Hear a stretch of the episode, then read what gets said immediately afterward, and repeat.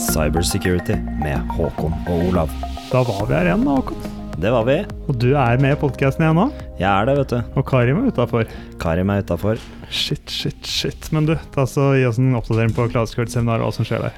Ja, eh, neste uke så skal vi ha et Cloud Security-seminar på Deichman. Eh, og vi gleder oss veldig, selvfølgelig. Det Yes. er eh, utsolgt. Alle plassene i Deichman-salen er eh, blitt bestilt. Så en oppfordring til de som har meldt seg på og ikke kan komme, meld dere av, for vi har venteliste. Og hvis du har lyst til å komme og ikke husket å melde deg på, så kan du melde deg på ventelisten. Så blir det kanskje plass til deg. Fingers crossed. Men du, over til noe helt annet. Du har jo delt en fagartikkel denne uka òg, har du ikke? Eller var det forrige uke? Forrige uke. Forrige uke. Kan ikke du fortelle litt, litt om hva de kan finne i den artikkelen hvis de er interessert i å lese? Det kan jeg, vet du. Um, jeg har jo litt meninger om hvordan man bør eh, gjøre det rundt uh, sikkert utviklingsløp. Uh, at uh, kanskje ikke er verktøy man bør begynne med, men et par manuelle prosesser, som f.eks. trusselmodellering, som jeg er veldig opptatt av. Så jeg har skrevet den første bloggen i en serie av blogger om sikkert utviklingsløp. Om akkurat det, da. Så når noen spør deg skal jeg bruke verktøy X, Y eller Z, så pleier du å stille noen andre spørsmål tilbake enn først, kanskje. Har Da- du tenkt på A, B, C? Hvis noen spør skal jeg bruke verktøy X, Y eller Z, så svarer jeg du skal bruke trusselmodellering. Ikke dårlig. Og ellers er det jo kult å være fire stykker, da. Må bare nevne. Det føles ut som eh, litt mer enn bare meg og Karim på et bøttekott. Nå er det oss fire på et bøttekott. Det i hvert fall, det er i hvert fall litt bedre. Men jeg lurer på om jeg bare har lyst til å hoppe rett over til dagens gjest. Jeg. Introdusere han. Thomas, kanskje du har lyst til å introdusere deg selv for lytterne våre? Ja, hei. Hyggelig å få komme hit. Så jeg heter eh, Thomas Båsnes og jobber i Verdane, som er et private equity-selskap der jeg eh, jobber med cybersikkerhet. da. Kan ikke du fortelle litt om reisen din, for du begynte over Verdane for ikke så lenge siden. Mm, Bare kanskje fortelle litt, litt om utdanning, erfaring, hvor du har jobbet, hvordan du havna i Verdane, hele, hele historien. Hele, hele reisen. uh, ja. Uh, ja, utdanningen min Jeg tok en master i eh, business eh, på CBS i København. Eh, der hvor jeg tok ja, innenfor business, økonomi, strategi, ledelse. Er ikke man sier at De som er smarte, de tar masteren der istedenfor BI, for da får du samme utdanning, men gratis? er det ikke sånn? Jeg, tok bacheloren på BI, da, så, så okay. smart. Så du, red, du redda deg inn halvveis, da. ja, og hopp, hoppa videre. Uh, nei, så eh, tok vel nok kanskje den utdanningen fordi jeg ikke helt visste hva jeg skulle med livet, og det var på en måte en åpen vei inn i alt mulig rart. Eh, på slutten så var det flere Begynte jeg å gå litt mer mot digitaliseringsfag og altså, så litt mer på fintech, eh, tok dataanalysefag og fant litt interessen da, innenfor tech-området. eh, og kom over cybersikkerhet eh, her og der. Så var jeg på et studentarrangement sammen med Deloitte. Der hvor jeg fikk møte cyberrisk-avdelingen og fikk høre en god del om hva de drev med og mulighetene innenfor det.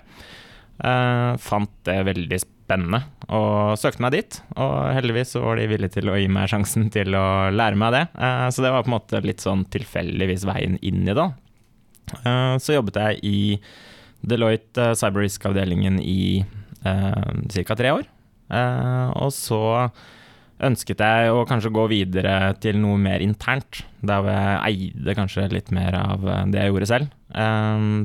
Eh, og da begynte jeg i Norges Bank, i sentralbankdelen, i den interne sikkerhetsavdelingen der, da. Jeg jobbet der et par år, eh, før jeg gikk eh, tilbake til consulting igjen. Eh, der hvor jeg eh, begynte i Orange Cyber Defense, som er en sikkerhetsleverandør av mange forskjellige produkter og tjenester.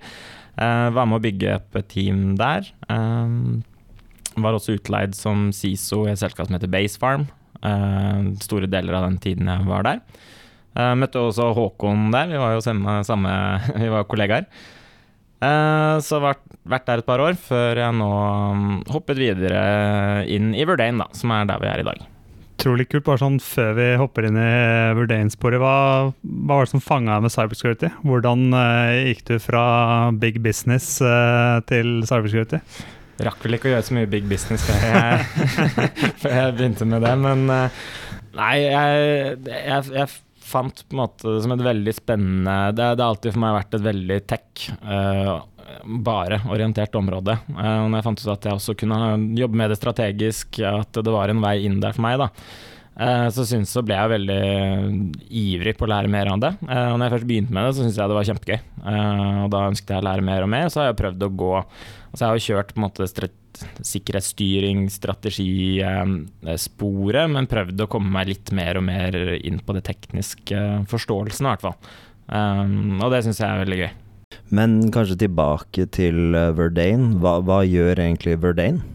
Eh, altså, visjonen til Verdane det er å være den foretrekkede partneren for uh, vekstselskaper som uh, kommer til å gjøre det bra i en bærekraftig verden. Da. Så høres det litt bedre ut på engelsk. Uh, men sånn enkelt forklart så betyr det at vi er, vi er et private equity-selskap som investerer i to vekstområder, da, som er hva sier man på norsk, avkarbonisering, altså decarbonization, og digitalisering. Eh, så der har vi i, innenfor disse områdene så har vi en 75 kjerneselskaper som vi er aktivt investert i. Nei, 75, rundt 70 tror jeg det er. Eh, der vi har en 45 milliarder kroner investert på tvers av disse selskapene, og som vi eh, aktivt er med da, og hjelpe i den vekstfasen som de er. Hvilke selskaper er det typiske innen oss i Norge eller Skandinavia som lytterne våre bør kjenne til? Bare for å få litt sånn inntrykk av verdien det her. Ja, altså Farmasiet, vi gikk jo akkurat inn i Oda, du har Easy Park. Eh, og så er det jo mange andre, altså Kaja f.eks., Cosmetics er det sikkert mange som kjenner til. Eh, det er typisk SAS-selskaper, e-commerce, eh, fintech, healthtech, greentech. og da går dere eh. aktivt inn og er med å liksom utvikle strategi og hands on og sitter i styret og sånne ting, eller er det mer sånn passivt, bare her er masse cash? Do what you can? Nei, altså, nå er jeg jo relativt ny, da. Men uh, slik jeg forstår det, så er det de 65-70 kjerneselskapene som jeg er, så er vi ganske aktivt uh, inne. Og så er det flere som man er ikke like aktiv i, da.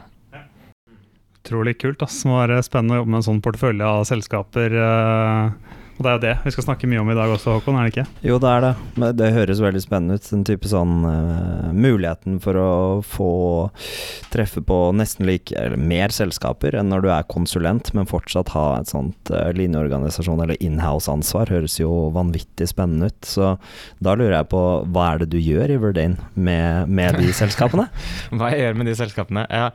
Uh, nei, du kan si altså Verdane er delt i to hovedområder. Eh, så da investeringsdelen, som selvfølgelig alltid har vært der, og er jo nå snart 20 år gammel. Um, og så har du Elevate-delen, som er den jeg jobber i, som er ca. tre år gammelt. Uh, og hovedoppgaven til Elevate det er å sørge for at investeringsteamet vårt og porteføljeselskapene våre lykkes da, innenfor forskjellige områder. Uh, så i løpet av de siste tre årene så har man jo ansatt intern kompetanse innenfor de områdene som man ser størst etterspørsel etter da, hos investeringsteamet i f.eks. due diligence-fasen, eh, og hos porteføljeselskapene, der hvor de kommer gang på gang og trenger hjelp med de samme problemene. Og Da er jo cybersikkerhet en av de. Men så har du også legal and finance, du har HR, product and tech. Um, organisasjon og eh, ledelse, du har dataanalyse, go to market-strategi osv. Så, videre.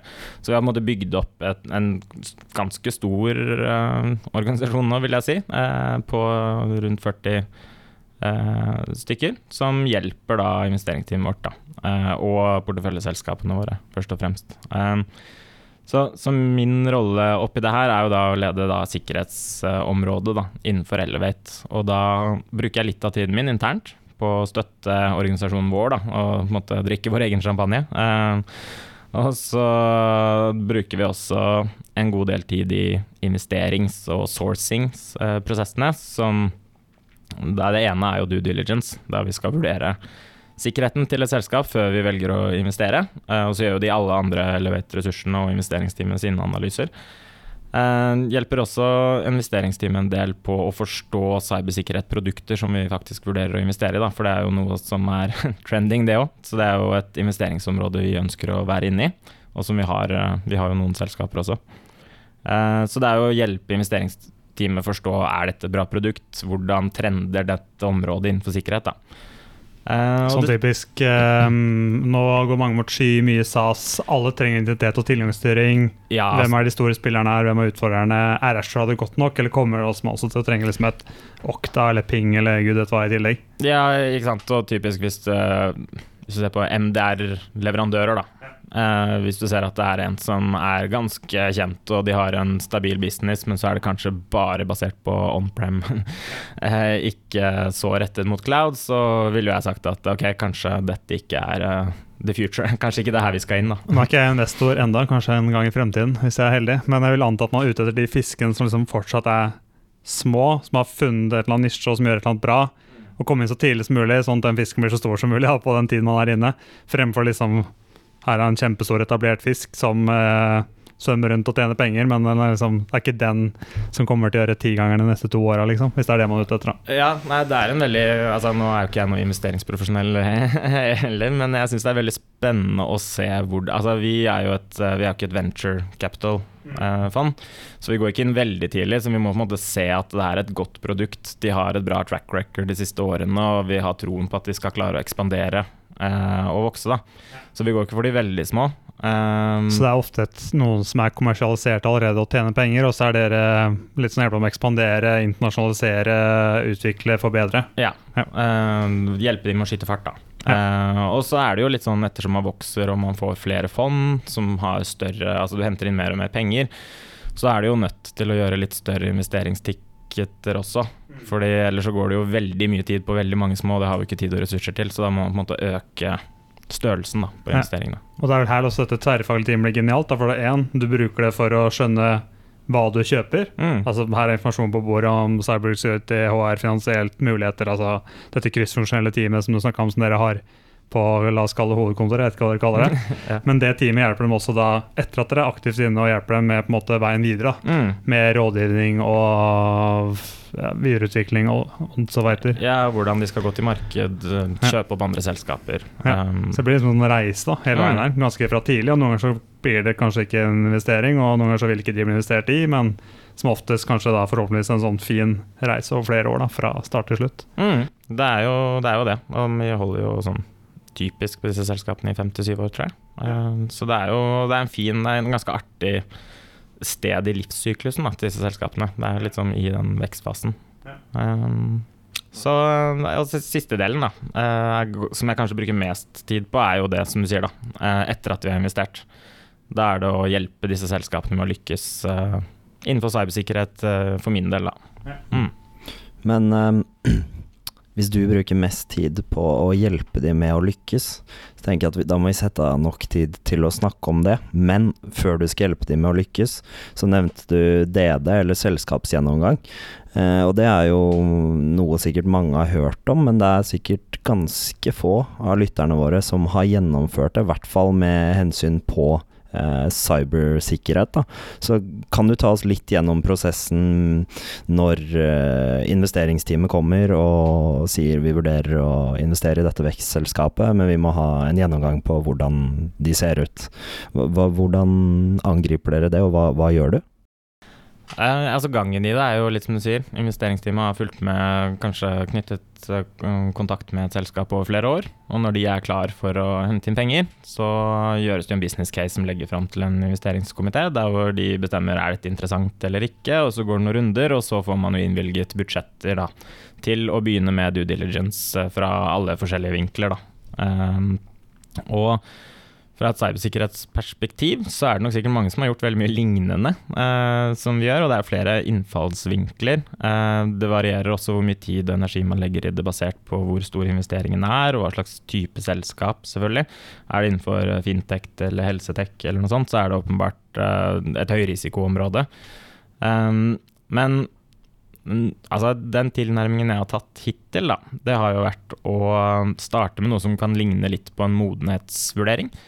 Der hvor man bruker uh, altså, kjente rammeverk som NIST, CSF, SIS Controls, ISO. Der hvor jeg på en måte satt sammen en pakke for å sørge for at du dekker alle kompetanseområdene da, som du burde ha på plass innenfor uh, sikkerhet. Uh, intervjuer da gjerne de som kan noe om sikkerhet i, og har ansvaret for det i selskapene, og kartlegger da hva er det de har på plass, hva er det de ikke har på plass? Eh, de gir ganske god innsikt å høre bare de prater om sikkerheten. Hva slags valg har de tatt, hvorfor? Forstår de sin egen risikoprofil? Um, og det, hvor mye er det de ikke vet, da? Eh, det er også god innsikt. Hvis de ikke har peiling på hvordan backup og recovery funker, eller hvordan ting er konfigurert, eller sånn, så er jo det ganske mye god innsikt for oss. For da er det jo sånn OK, det er ikke kjempehøyt på agendaen da, kanskje. Eh, så gjør vi en sånn vurdering eh, som går inn i eh, en, en, rapport da, som legges fram av investeringsteamet til eh, investeringskomiteen. så det er på en måte det vi gjør uansett for alle. og så Så det er da typisk Dette er de gode på, dette er de svake på. Dette bør de gjøre de neste to årene med produktet hvis det skal skalere internasjonaliseres. Og dette kan det potensielt koste eller kreve av timer. da. Ja. Det er liksom den dataen du gir til beslutningstakeren. Ja, så outputen er jo litt sånn Dette er kosten, altså konteksten de er i. Uh, dette her er hovedgapene. Dette her er risikoene uh, som kommer ut av disse gapene, og dette her er det vi anbefaler at uh, de må gjøre hvis vi investerer i de. Og så bruker vi jo litt forskjellige innfallsvinkler basert på hvor mye tid vi skal legge inn. Uh, så noe annet vi gjør, jeg ser også litt gjennom dok dokumentasjon og sånn, for å se om det på en måte har de, har de ingenting, har de et fint uh, papirhus som er veldig flott for revisoren å se på, eller har de på en måte tilpassa noe som faktisk kan brukes av organisasjonen da, i praksis. Stemmer uh, kart og terreng, eller bare et kart ja, på SharePoint? eller er det en fin, fine tegninger og store dokumenter. og så gjør vi kanskje noen enkle skanner uh, med open source-stol for å se på en måte er uh, websiden deres og webapplikasjonene Finner man liksom åpenbare sårbarheter der? Uh, jobber også med å få på plass litt mer aggressive altså, uh, avtale med, med, produkter, da, der vi kan gjøre litt mer aggressive skanninger. Så hvis det er en produkt eller en, eh, en, eh, et selskap som har mye sky, så gjør en cloud assessment. Hvor, hvor, bra er ting satt opp i skyen? Ja, det står noe fint her på SharePoint, og ja, de sier lure ting, men la oss gjøre en cloud assessment og liksom finne ut litt mer detaljer om hvordan status er. Ja, stemmer. Så vi gjør, vi, nå gjør vi jo en litt sånn Vi prater med de som er mer den inside-informasjonen. Og så tar vi liksom utside-in-skanning. Eh, og så har vi partnere med med f.eks. AWS, eh, som har et DD-team som kan hjelpe oss hvis de er i, altså hvis de er i AWS. Så kan de gjøre en sånn arkitekturgjennomgang, da, der hvor vi kan se på innsiden også. Ikke sant? Har de masse miskonfigurasjoner eller usikre Hvor mye, mye gjeld er der? ja, ja, ikke sant? Det, har de tenkt på ting når de har satt opp, da, ja. i det hele tatt. Eh, så med alle disse forskjellige inputene, så tar vi og setter sammen et input til investeringskomiteen. Altså det, det, er sikkert veldig vanskelig å svare på, men hva er det du vanligvis finner av feil og mangler? Det er jo sikkert forskjellig på tvers av sektorer og størrelse på selskap og sånn, men er det, er det, noen ting du har bitt deg merke i hvor de eh, ofte har forbedringspotensial? Eh, ja, det er som du sier, varierer veldig. Eh, de store selskapene har kanskje litt de samme tingene. Eh, noen type industrier har kanskje noen av de samme tingene. Eh, det som jeg kanskje biter meg merke til, da, også med tidligere erfaring fra consulting, eh, er jo litt dette detection and response-området. Folk legger mye arbeid kanskje i protection, altså prevent at noe skal skje. Så identify, protect, detect, respond, recover, så er det bra på identify protect, ja? Ja, ja, kanskje ikke. Ja, altså, nei, det varierer veldig. De store selskapene er kanskje litt bedre på identify-området. Uh, um, men akkurat det detection and response-området syns jeg ofte kan være noe som har fått for lite fokus, da. Uh, og litt sånn min logikk de siste årene har kanskje vært litt det at jo mer du putter inn i preventive, jo sjeldnere vil noe skje, og jo mer uforberedt vil det egentlig være når det faktisk skjer noe. Da. Og sannsynligheten for at det kanskje er noe mer avansert, er kanskje høyere, fordi det har kommet seg forbi alle disse preventive eh, tiltakene du har på plass. Da. Eh, så, så, det å legge liksom mer i detection and response, tror jeg det er kanskje det jeg ser er mest gjennomgående, da. ikke det at det stemmer i alle caser. Og Det ser man ofte typisk av månedsvurderinga, at man ser balansen i cyberforsvar eller strategien til selskapet. Dere er gode på Identify, dere er gode på Protect. Dere har noe deteksjoner, men det er ikke veldig bra. Dere er liksom helt blanke på Respond Recover.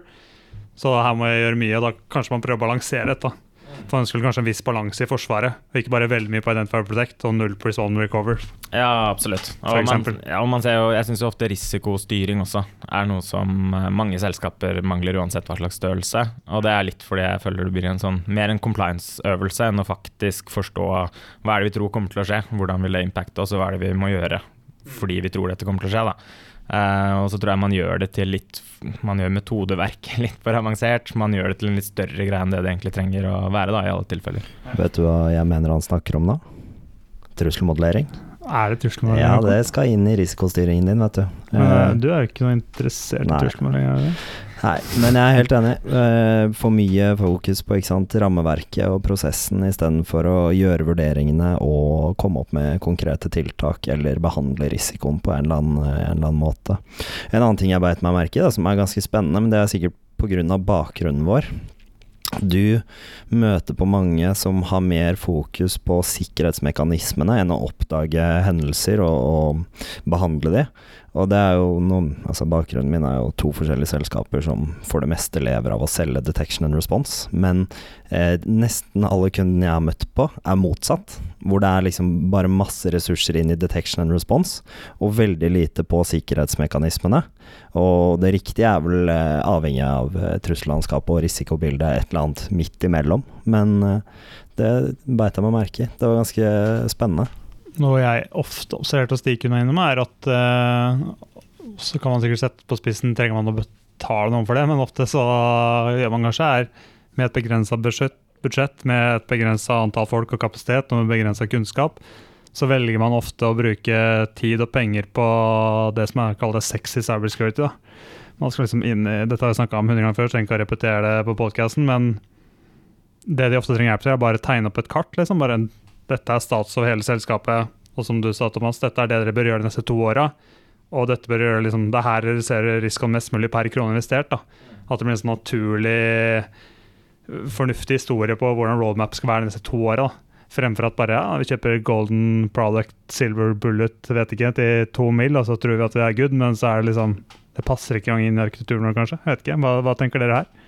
Øh, Jeg, jeg Nå avbrøt jeg gjesten, det er alltid bra som host, men, eh, men uh, jeg tenker um, at jeg er helt enig. Det er et sånt uh, tenkt eksempel. Du bruker veldig mye på produkter for å sikre driftsmiljøet ditt, men du kan ikke detektere at noen har brukt breakglass-kontoen din, f.eks. Så er det bortkasta å bruke da to millioner på Silver Bullet-produktet.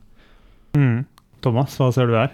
Nei, jeg er helt enig. Jeg, tror at det detection-området er litt kompleks og vanskelig å få til selv. Um, og det er nok derfor du kanskje ser det i større grad i de større organisasjonene som har penger til å outsource dette her som en, uh, altså en managed service. Da. Uh, mens de mindre har kanskje litt vansker for å forstå hvordan de skal bruke teknologien og få utbytte av den selv. Eh, og de har kanskje ikke budsjetter til å outsource det helt. Og så er det kanskje ikke så mange tilbydere der ute enda som har fokus på small medium enterprises, men det er mer satt opp for de svære enterprisene der hvor du skal ha altså de store kundene. da. Der tenker jeg umiddelbart sånn to ting. ene er min opplevelse at det kan fort virke som black box når du outsourcer noe. Du bare sender masse logger i en eller annen retning, og så en gang iblant så får du beskjed om at nå blinker det rødt på den maskinen eller den serveren, eller vi ser et eller annet rart her. Og så får du kanskje hjelp til å fikse også, eller så løser du selv, litt av hvordan avtalen ser ut. Det andre jeg tenker er at det hjelper jo ikke å være god på å detektere og respondere hvis vi gjør det hver dag for du er dårlig på å beskytte og vite hva du har. Så du må liksom, må jo ha Identify og Protect på plass modenhetsmessig for det gir mening, i mitt hode i hvert fall. Selvfølgelig finnes eh, mange uh, caser her hvor det ikke stemmer, men før man kan begynne med respond, detect og respond, da. Ja, helt enig. Men nå har jeg lyst til å ta det litt videre, da. Eh, si eh, du har gjennomført gjennomgangen, og dere har investert i et vekstselskap. Så jobber jo du i Verdane Elevate, så nå skal du hjelpe dem med å løfte cybersikkerheten. Hvordan eh, går du fram? Hva, hva er det dere bistår med? Hva, hva er eh, målet? Det er sikkert eh, forskjellig fra selskap til selskap, men litt sånn generalisert. Mm. Ehm, det er litt det Litt sånn enkelt svar. Det, det selskapet trenger hjelp med. Ehm, men en av de tingene jeg har mye, jobbet mye med det siste, er jo community-bygging. Ehm, som jeg begynner å se mer og mer synergien og Som jeg har veldig troen på, da. Uh, det er jo uh, ikke de største selskapene som gjerne har egne sikkerhetsavdelinger og veldig mange spill på. Det er jo enten sånn noen i IT med mange hatter, eller kanskje de har en CISO, men det, de kan jo være ensomme i selskapet. Eh, så det å knytte alle disse ressursene her sammen på tvers av porteføljeselskapene våre uh, Riktig, så når farmasi er gode på noe, har Mm. funnet ut noe og gjort noe jævlig bra, så kan du si til Easy Park, husker jeg rett? f- Ja, for eksempel. Uff, heldig. Easy Park at liksom Snakk med Martin eller Trine hos, uh, hos farmasi, for dis- disse har gjort dette bra og løst dette på en god måte. Mm. Og så kan dere få mye bang for the buck og kall det istedenfor liksom betale det, det dobbelte tre ganger, da, så kan du liksom bruke all investeringen allerede et annet sted. Ja. Gjennom dere som en slags hub. Ja, det er akkurat det vi prøver å få til. Altså, vi har etablert en sånn plattform der man kan snakke med hverandre. Vi launcher en ny en nå der hvor vi kan være litt mer sånn interaktivt. Eh, Noe mer enn bare slack ten, liksom. ja, så, så tanken er jo at man kan snakke med hverandre og også ha et, et sted der hvor du kan få tilgang på playbooks, templates, eh, det andre har kanskje utarbeidet og kommet lenger på, og så kan vi lage et bibliotek da, som folk kan få tilgang på. Eh, etablere rammeavtaler med, med leverandører og produkter som vi stoler på, til gjerne en bedre pris, fordi vi har jo tilgang på mange selskaper. ikke sant? Um, og så ha på en måte eh, møteplattformer da, der hvor de får møttes, diskutert utfordringer, uh, kjøre litt sånne paneldebatter på tvers uh, om forskjellige topics, og virkelig få de til å snakke og spare med hverandre. Da. Det er på en måte en av, en av hovedoppgavene. Den andre er jo at vi gjør én-til-én-prosjekter med, med de, eller én til mange, hvis det er mange med samme problem. Uh, og der Måten vi ofte starter med, da, Enten så har de et konkret, konkret problem. Uh, de skal ut og skaffe en tjenesteleverandør for et eller annet, så hjelper det kanskje med å finne den riktige. Uh, de har kanskje et konkret problem der hvor vi blir en advisor, eh, uansett hva det er. Eh, ellers så Mye av det jeg har jobbet med, har jo vært å starte med en modenhetsvurdering, da, som vi pratet i sted, For det er, det er et fint sted å starte for de som ikke helt vet uh, hvor de er og hvor de burde gå. Da. Eh, så da går vi inn, kartlegger, så hjelper vi dem med å sette mål. Vi driver jo ikke, som du fint sa tidligere, vi driver jo ikke med sikkerhet for sikkerhets skyld. Vi gjør det jo for å støtte forretningen vår til å oppnå de forretningsmålene vi har. Eh, Så da ser vi på kontekst. Hvor er vi i dag? Ok, Hvor burde vi være da innenfor de forskjellige områdene? Eh, Setter vi et mål, og så lager vi en handlingsplan for å nå de målene de neste ett til tre årene. Og hjelper de med å definere da tidslinjer, kostnadsestimater, og så velger vi basert på det de har å rutte med. da, eh, På hva er det vi skal prioritere høyest. Og så um, følger vi det opp da, og hjelper de. Og her tenker jeg umiddelbart at det må være noen fordeler med at kanskje de flere av selskapene under dere benytter tilsvarende teknologier. da. Så hvis alle har Selvfølgelig i den grad det løser forretningsbehovet, da. Men uh, hvis det er liksom deteksjon eller CIM eller uh, MDM eller IM eller gud vet hva, jo flere som bruker det samme, jo lettere for dem er det å hjelpe hverandre å benytte uh, hverandre også, enn at hvis alle har helt ulike plattformer og ulike teknologier. Ja, og der eh, tenker jeg jo at uh, over tid, da, når vi får kanskje noen sånn preferred partners uh, som vi kan gi tilgang på, der hvor vi får kompetansen, de får kompetansen, og så kan de hjelpe hverandre, så kommer det en del synergier ut av det. Mm. Og så har vi selvfølgelig en forhandlingsmakt som nevnte, at det er lettere å forhandle når man er store og sterke sammen enn små alene. Jeg merker at det er jo attraktivt for mange leverandører å få tilgang på oss, der hvor vi kanskje kan være en sånn gateway da, til alle disse selskapene, for da gir det jo tilgang til mange selskaper som uh, kanskje ikke er så store nå, men de skal jo bli det. Det er i hvert fall derfor vi har investert i de. Uh, Ja, og samme for dem utad. De blir jo sikkert banka på døra til av mange firewall-selskaper og gud vet hva, og så Mm. kan de bare si Thomas, du er vår human firewall, liksom. Hva, hva er fornuftig her? Thomas har tegna opp et kart for oss. eh, Den sier at det, nå er det fornuftig for meg å liksom jobbe med sentralisering av logging og deteksjoner, ikke å kjøpe enda en firewall. Så vi snakkes. Versus hvis man liksom hadde null innsikt, bare ja, denne firewallen så kul ut, den har jo IPS og Next Generation og jeg vet ikke, masse threat intelligence og gud vet hva.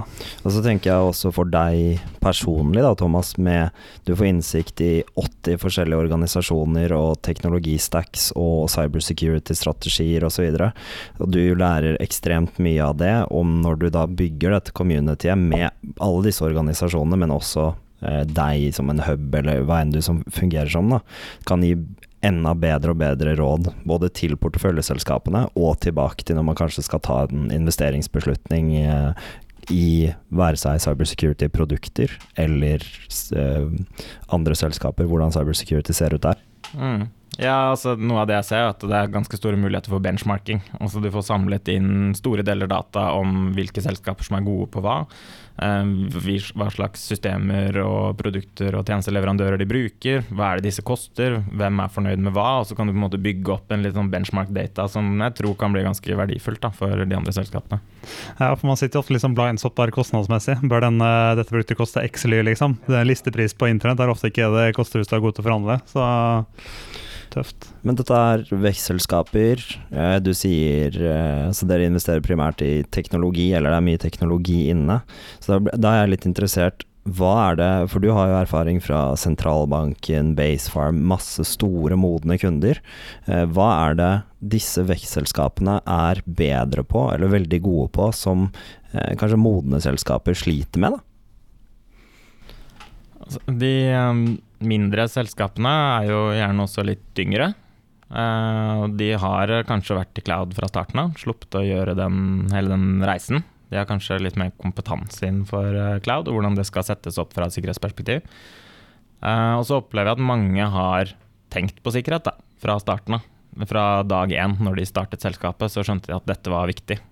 mens de større, så har det kanskje kommet på agendaen etter at de har blitt litt for store, og da blir det litt vanskeligere å Uh, gjøre noe med det. da, Så er jo teknologien går fortere. Det har kommet mye nye løsninger som kan hjelpe oss med sikkerhet. Eh, som kanskje ikke er så lett å putte på toppen av gamle systemer. Eh, så jeg, jeg, jeg, tror nok det er Men spesielt den der kulturen også som du ser i yngre selskaper. At det er ikke bare sikkerhetsansvarlig som bryr seg om sikkerhet. Det er arkitekten, det er utvikleren, det er ingeniøren som sitter der som skjønner at de liksom Her må vi skru på MFA. Eh, her må vi gjøre disse og disse konfigurasjonene. Altså, det skjer litt mer sånn ut i linja da, eh, enn at du har et sikkerhetsteam som eh, løper rundt med politihatten og hmm. Det blir sånn naturlig skift left og tenkte sikkerhet fra starten av, fordi man er vokst opp i en annen generasjon som er vant til å tenke sikkerhet fra starten av, ja. enn de som vokste opp og hadde serveren i kjelleren og de måtte rygge bak firewallen før. liksom. Ja, de måtte beskytte med stengt dør. Og, ja.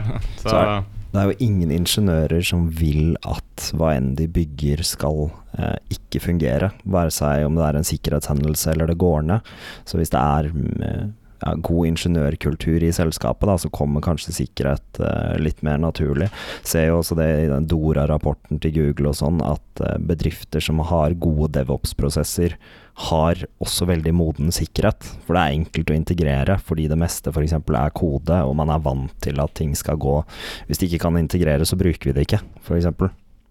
Ja, og det er jo, jeg føler at det har blitt litt mer Hvis de gjør det riktig fra starten av, så trenger det ikke være noe operasjonell hindring. Det, ikke, det kommer ikke veien for operasjonell effektivitet. Eh, egentlig snarere derimot at eh, hvis det går ned, så kan du bare recovere hele infrastrukturen din ganske på kort tid, da, noe som du ikke kunne før. Eh, så, for robust og god kode er jo ofte også sikker kode, mm, ikke sånn? Ja. Mens hvis du har tatt noen snarveier og bygd huset litt kjapt bare for å få til noe, så er den ofte ikke så robust og heller ikke så sikker. Ja, jeg, jeg, er helt enig, jeg. Ser på han som har en bachelorutvikling. ja. ja.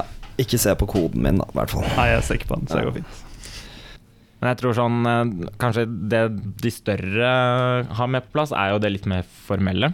Uh, I mange tilfeller. Uh, de er også gjerne penger til å outsource ting som er veldig vanskelig å bygge internt. Da. Uh, for det er jo litt som jeg snakket om i stad, at de har kanskje bygd da, Eh, sikkerheten godt inn i systemene sine. Eh, men så er det jo alle de tingene som uansett er veldig vanskelig og komplekse, og du trenger litt flere folk til å maintaine. Da.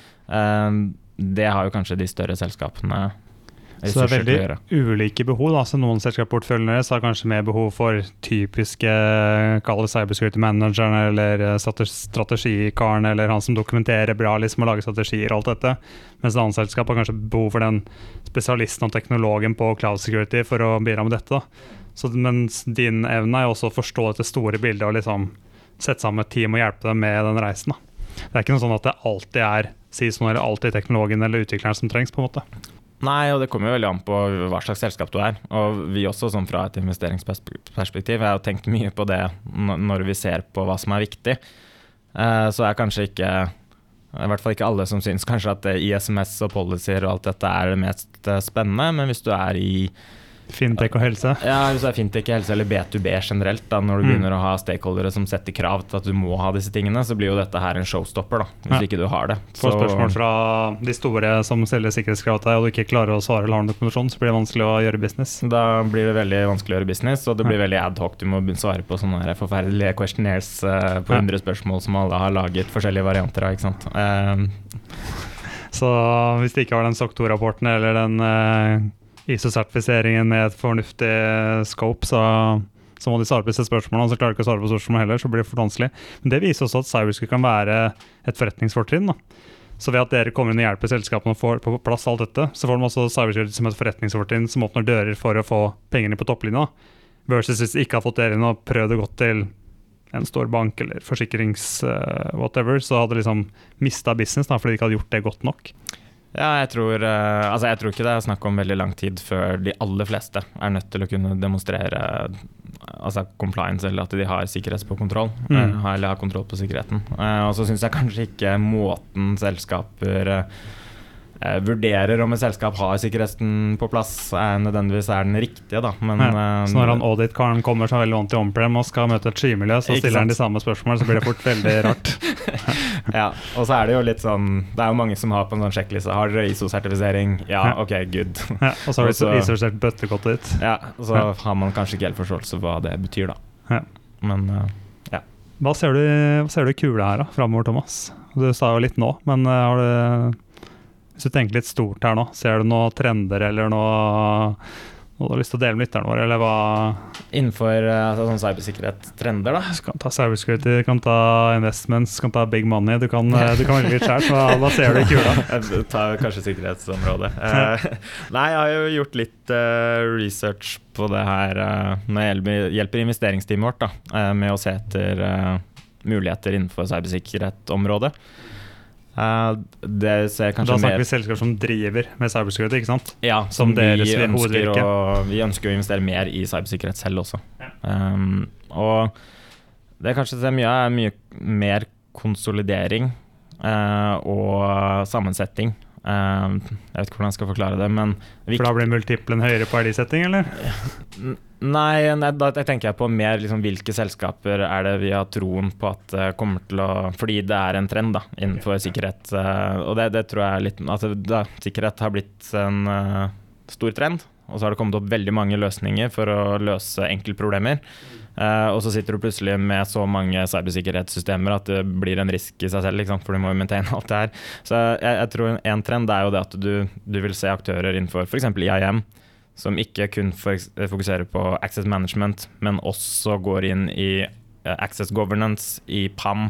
eh, brer seg litt mer sånn Klienthåndtering og liksom alt som høres inn, Yes. eller er nærliggende. Altså litt mer sånn full suit-løsninger, da. Eh, og at du kommer til å se Og som enkelt kanskje kan integreres med andre sikkerhetsprodukter. Yes, og det var neste. At det er veldig viktig at disse produktene kan integreres inn til en XDR, hvordan du enn du definerer hva det er. Eh, Så når du har IM-løsninga som snakker bra med klienten, så skal du også få liksom tak i informasjon fra EDR-agenten på den maskinen. Er den maskinen liksom trygg, blinker det rødt, kjenner vi den igjen? Og ta alt det inn i autentiseringsløpet, da, fremfor å liksom bare ha brukeren av passord og MFA som sier om du får lov til å komme inn eller ikke. Altså det er ja, oppsummert, det er noe jeg har veldig troen på. Også veldig sånn MDR-område, Attack Surface Management. Eh, begynner å komme litt mer snedige løsninger på asset management, som er noe man aldri har fått til, før. Ja, Som jeg tror kommer til å trende bra. Word, er det ikke? Excel og Word. Ja, Excel og Word har vel vært løsningen fram til nå. Det er ikke asset management, eh, så å si første SIS-kontrollen, men ingen har noen gang klart å gjøre det. Ja, det er det som er Ja. fascinerende. I hvert fall skal vi vurdere om den er liksom effektiv. Aha. Kult. Nei, er det um, noe annet vi har, har vi godt dekka, eller? Hva tenker du her, Håkon? Ja, altså jeg føler meg i hvert fall eh, oppdatert og smartere. Det har vært en veldig spennende samtale. Jævlig fet episode, må jeg, må jeg bare få lov til å si. Selv om det sitter der spilleren din selv egentlig ikke har lov til å melde det. Så syns jeg i hvert fall den her var ekstremt interessant. Helt enig. Thomas, hva har du med på hjertet? Nei, jeg syns det var veldig hyggelig å få være med. Jeg har aldri vært med på podkast før, så det var gøy. Jeg syns du gjorde deg veldig bra. Du hørtes ikke like nervøs ut som jeg gjorde første gang jeg var Nei, her. det Det er har jeg bra, fått kommentarer på. Ja, det var helt krise. Så, men, eh, men du ser jo, da. Det er liksom Håkon Fikk jo én episode, og nå er det nummer tre, så bare pass på. Plutselig så sitter vi i alle podene som uh, både Big Money og Tech de neste to åra. Vi må jo få lov til å takke for at du ville komme og delte både din egen bakgrunn og hva du gjør nå. Så håper jeg at de som har hørt på, både syns det var spennende og har lært. Ja, og hvis de trenger en, eh, noen muskler, så er det bare å kontakte Verdane, er det ikke det? Hvis du skal liksom opp og fram og ut og trenger litt kapital og kunnskap. Absolutt. Kult. Da er det bare å ønske lytterne våre en god uke, og snakkes plutselig. Hei da.